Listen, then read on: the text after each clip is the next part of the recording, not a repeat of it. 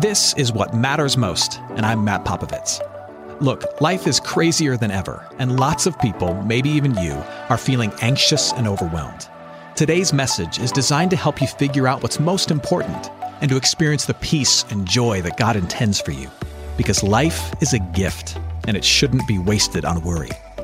I'd like to give you a resource, something to help you navigate the road ahead. Just go to mattpopovits.com, click on the icon, and we'll send it to you. That's Matt, P-O-P-O-V-I-T-S dot com. And hey, if you happen to live in the Houston area, I'd love to see you on a Sunday morning at St. Mark in Spring Branch. Head to stmarkhouston.org to plan your visit. Here's today's message. Thanks for listening. When life happens, we go on a search, and we quite often literally go to Google. And each year, Google releases the results of the, the top trends of the year that's gone by. And it's really fascinating look at to, into what the world has been wrestling with and the answers that they've been searching for. And so I was, as I was looking at that list at the end of this last year, the thought hit me. I wonder if we could take the, the top two or three topics, according to Google, of the last year, and just talk about them. Wrestle with them through the lens of our faith and seek to understand them not according to the algorithm, but according to the scriptures. I've boiled it all down to this question How do people of faith live in a frightening and warring world? How do people of faith live in a frightening and warring world? Now, in Matthew chapter 24, Jesus was having a really heavy discussion with his disciples about precisely this. And they were walking out of Jerusalem. They were walking away from Jerusalem. And Matthew tells us that the, the temple, the, the, largest building in Jerusalem, the, the most grand and beautiful building in Jerusalem, was looming behind them as they walked out of the city. And the disciples were marveling at this building and at the, really the glory of Jerusalem as a whole. And Jesus says to them, He says, You do know that all of this is going to come crashing down one day. That in the end, none of these things that we have built, these temples, these cities, these kingdoms, none of it is going to stand. In the end, it's all going to fall apart. And then the disciples, of course, they want to know when, how, and what's it going to look like, and how will we know when this is occurring? This is what they say. Matthew chapter 24, starting at verse 3 as he sat on the Mount of Olives, and interesting little thing here, as you sit on the Mount of Olives, you have the best view in the land of Jerusalem and the temple. So it's very likely that as they've walked out of Jerusalem, they went to the Mount of Olives, they're sitting on the Mount of Olives, and Jesus is pointing at the city, he's pointing at the temple, all the stuff that he said is going to be destroyed. As he sat on the Mount of Olives, the disciples came to him privately and said, Tell us, when will these things be? And what will be the sign of your coming and of the end of the age? And Jesus answered them, It's interesting.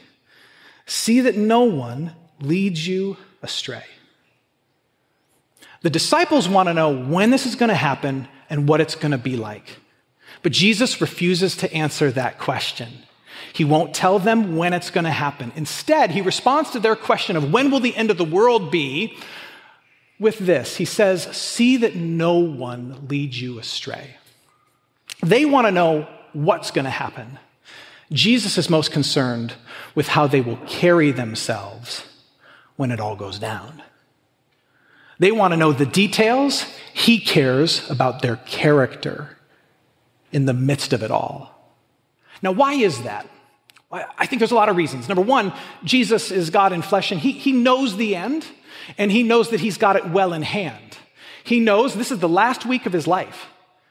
He knows that he's about to die on a cross, rise from the grave, and secure a good ending for all of humanity. He knows how this whole thing's going to end, and he's, he's saying to them implicitly, You don't need to worry about that.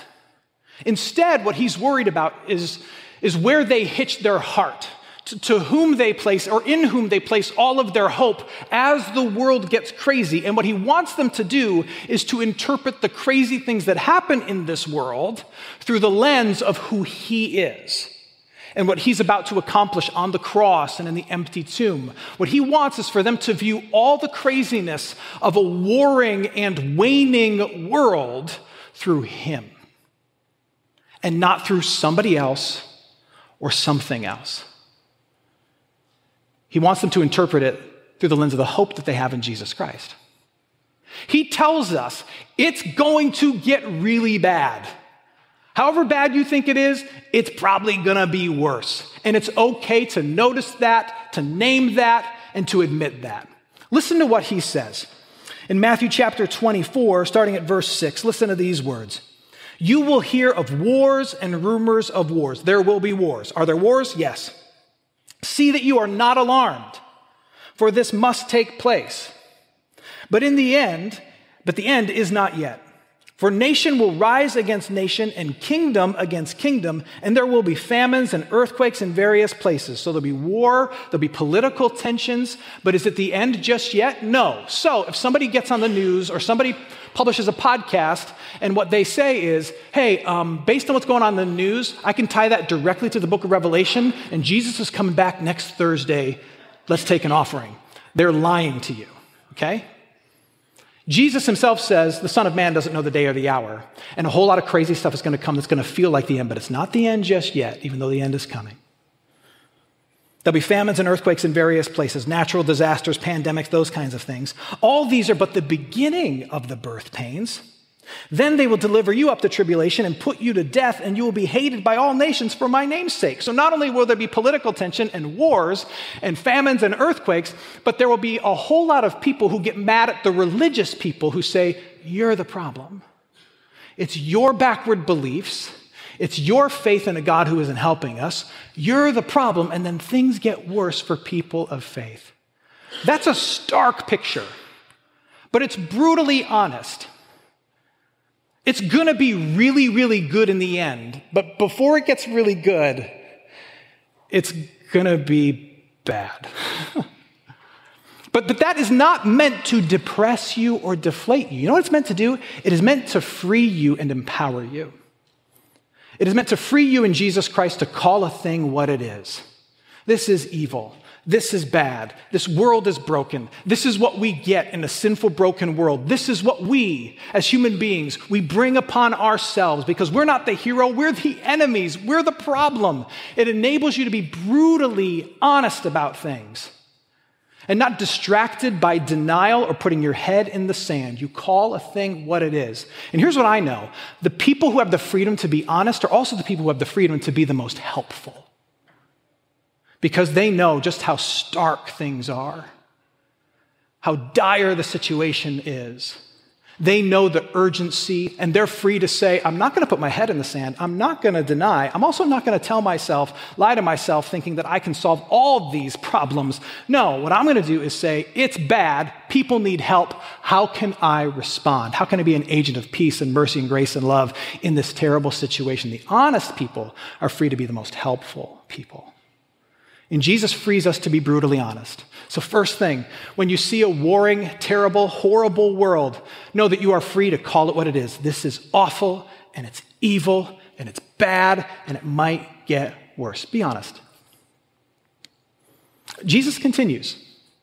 And you'll notice if you read this section that in these 10 or so verses of this discourse, four separate times, Jesus talks about people falling away or being led astray by some kind of false teacher.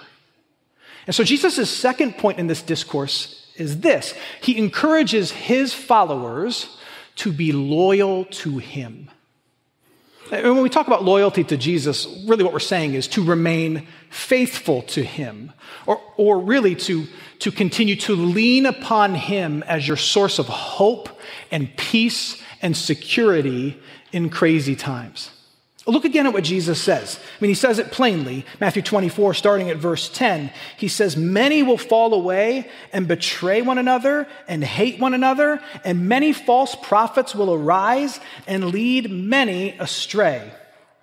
Jesus is saying, I want my followers to be honest, but I also want them to be loyal.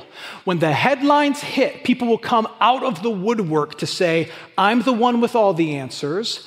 Only I can save you. Follow me to freedom.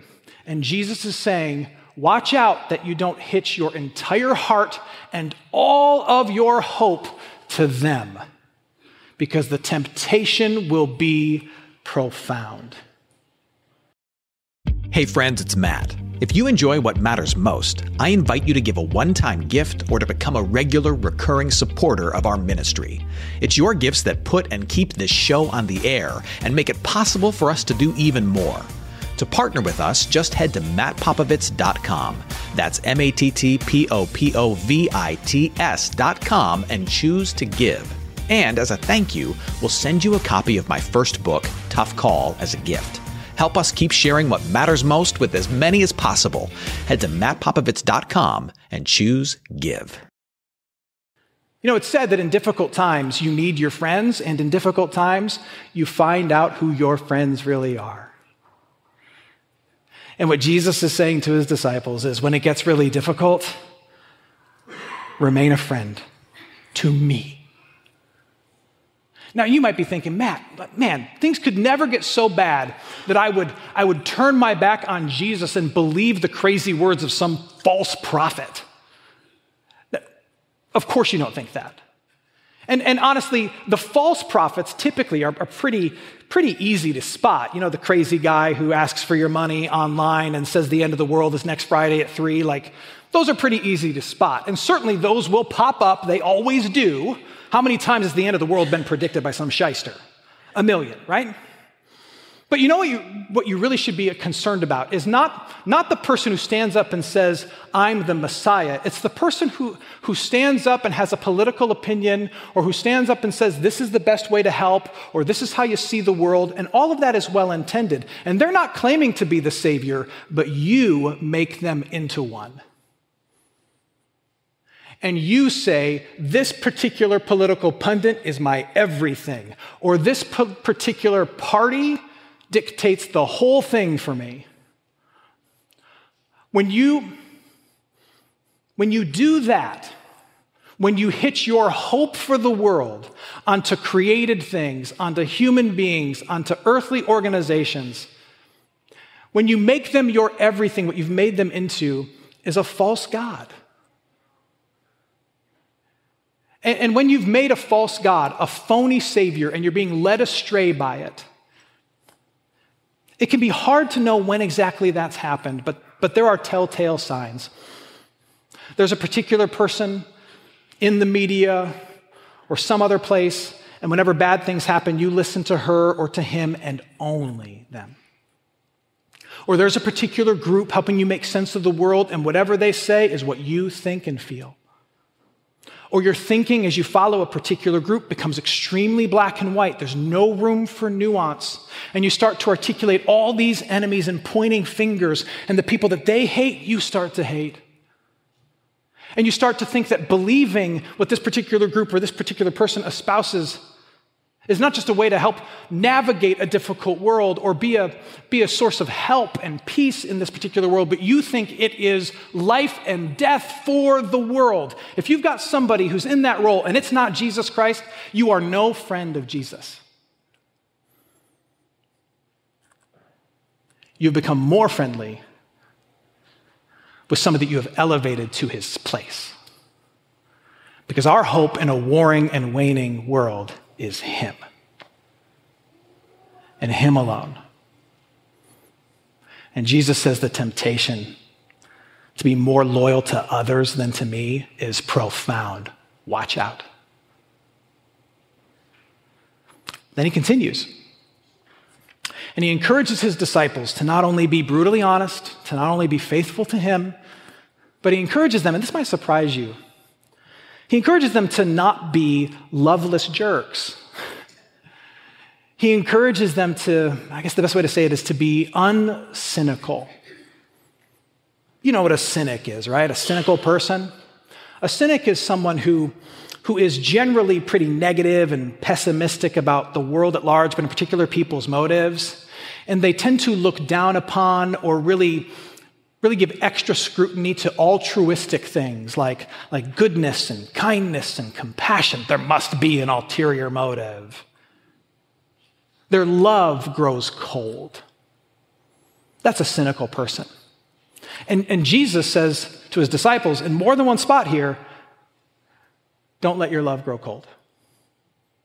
Because, because that will be a huge temptation. You know, we live in a day and an age where our God is human ability and our hope is in progress. The thing we worship, especially here in the West, is human ability. We can fix it. We can save the world. We can make it all right. And our hope, our great hope, is that humans will continue to move things forward to the point where we create utopia. That's what we believe. Our God is ourselves, and our progress is our goal. But then what happens is there's a pandemic, or there's an earthquake, or some authoritarian dictator decides to overtake some other country despite the, the outcry of the rest of the world. And what happens is you realize that, that our human ability and our utopian ideal is coming crashing down. That we are not the heroes of the world, we are the problem in the world. And that our ability to create some perfect place, apart from outside intervention to usher things to a new beginning, is utterly hopeless. And what happens when a people who believe in themselves and who have bought into the lie of their own progress, apart from divine intervention, when something happens that they can't control, or something happens to show that we haven't progressed all that much at all, everything shatters and they become cynical. What's it matter? That's what Jesus is getting at when he says this. Matthew 24, verse 10 and 12. He says, Many will fall away and betray one another, and they'll start to hate one another. And because lawlessness will be increased, because terrible things are everywhere, despite our best intentions, the love of many will grow cold. In the face of war and tragedy and all kinds of horrors, the world will become overloaded with loveless, selfish jerks. And Jesus says, don't become a jerk. Stay hopeful, stay compassionate, stay kind, be an agent of goodness and grace and mercy in this terrible world. Now, you might say, well, how can I do that? If I'm supposed to be brutally honest about how bad things are going to get, and things are indeed bad, how can I also remain uncynical? Here's how because you belong to Jesus Christ. And Jesus Christ has placed in your hands two things that set you free to be optimistic, positive, and joyful, even as you are honest about the awful things in this world. In one hand, he has given to you knowledge of his love for all of humanity and his power over the worst that's in this world. He has placed in this hand his death and resurrection. In his death, he demonstrated just how much he loves this whole world. He dies to forgive it. And then in his resurrection, he proves that he is more powerful than the worst that this world has to offer. Is there anything worse than death? He is more powerful. And he's given that to you. He loves you more than you can comprehend, and he's more powerful than any other force in the universe. You hold that in this hand. And then in this hand, he gives you these incredible promises, the chief of which is that he is returning that this loving and all powerful God is returning and he's coming back and he is going to usher all of this to that grand and good day in the end where all the bad things that exist today are suddenly untrue for all time. And justice and peace and mercy reign supreme. And that would be ludicrous to believe in in this hand if you didn't have this in this one. But you hold on to both of these things in this terrible world. God loves me and he's powerful and he's coming back for us and he's going to make all of this good in the end. You hold on to those two things and those two things hold you up. And they allow you to be clear eyed and brutally honest, but also loving. A non anxious presence, joyful confident, expectant. He loves me and he's powerful and he's coming back for me. I'm going to close by giving you an analogy. It's, it's not one that I came up with, it's one that Jesus references. It's a biblical analogy. And, and the analogy is that, is that of a wedding, and it's one we talk about from time to time. Um, in 2023, we will see more images of war. When you see war, this is how we stay anchored in Christ and we stay influenced by the truth of who He is. When we see war, think wedding. Now, here's what I mean by that. In the ancient world, first century, a, a wedding really consisted of, of three parts there was the engagement, and the betrothal, and then the wedding ceremony. Now, during that betrothal, sometimes a period of one to two years, the, the husband to be would go off and he would prepare a home. He would, he would build a home for them. He would, he would grow in his occupation. He would make sure that he had everything in place to provide for them once they were married. So he would go off and prepare a place and a future for them. And the bride would be left behind and she would be working. She'd be working to save up some things for their new life together, but she would also be making, quite literally, making her own wedding dress. Often seen around town wearing bits and pieces of it, a half done wedding dress, because she's working on it all the time over the course of a year, two years. So, that time in between the betrothal and the wedding, that time of betrothal, was a time of, of love and excitement, but also of anxiety. When's he going to come back? When's he going to come back? A time of ex- excitement and anticipation, but also of tons of work. There's so much to do. It's really, really hard to not yet be married. It's so difficult. There's so much work to do to prepare.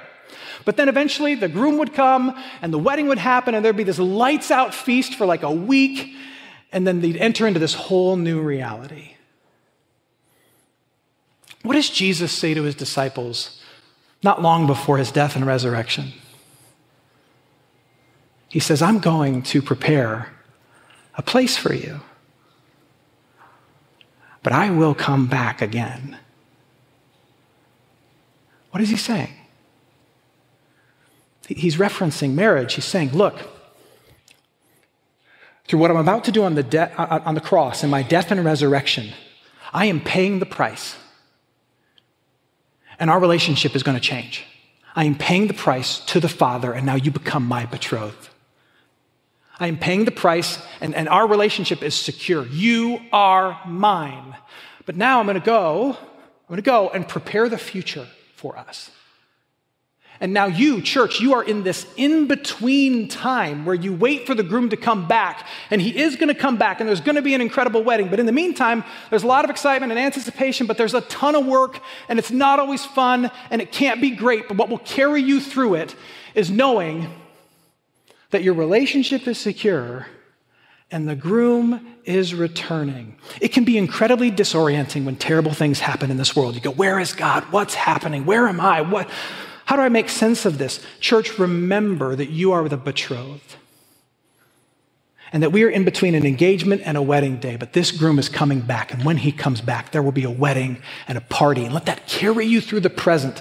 Church, we have a secret about the world that the world doesn't yet know. What the world doesn't yet know is that yes, this world is going to end someday, but it is not going to end. It is not going to end in a climate change disaster, even though we should work to care for our planet. It is not going to end in World War III, even though we should work for peace. It is going to end in worship. It is going to end with a celebration. It is going to end with a wedding. That's how it ends. May you stay loyal to Jesus. He is so loyal to you. Keep your heart anchored fully and first in Him. And may your love not grow cold when the rest of the world sees its hopes shatter and their hearts become hard. May you be the hopeful and optimistic, loving and compassionate friend that this world needs. There is no better witness in a warring world than someone who is honest and loyal and loving. May that be us. Amen. Hey, it's Matt. I hope you enjoyed what matters most. Here's what I need you to know life is a gift, and it shouldn't be wasted on worry. I want to help you figure out what's most important and to experience the peace and joy that God intends for you. So for more content, you can head to mattpopovits.com. That's Matt, P O P O V I T S.com. There you can also support this ministry, as well as access your free resource, a little something to help you navigate the road ahead. I'd also love to see you on a Sunday morning. If you're in the Houston area, head to stmarkhouston.org to plan your visit. In the meantime, hit me up on Instagram at mpopovits or at facebook.com slash Matt Popovits Ministries. Thanks for listening. Now go and hold tight to what matters most.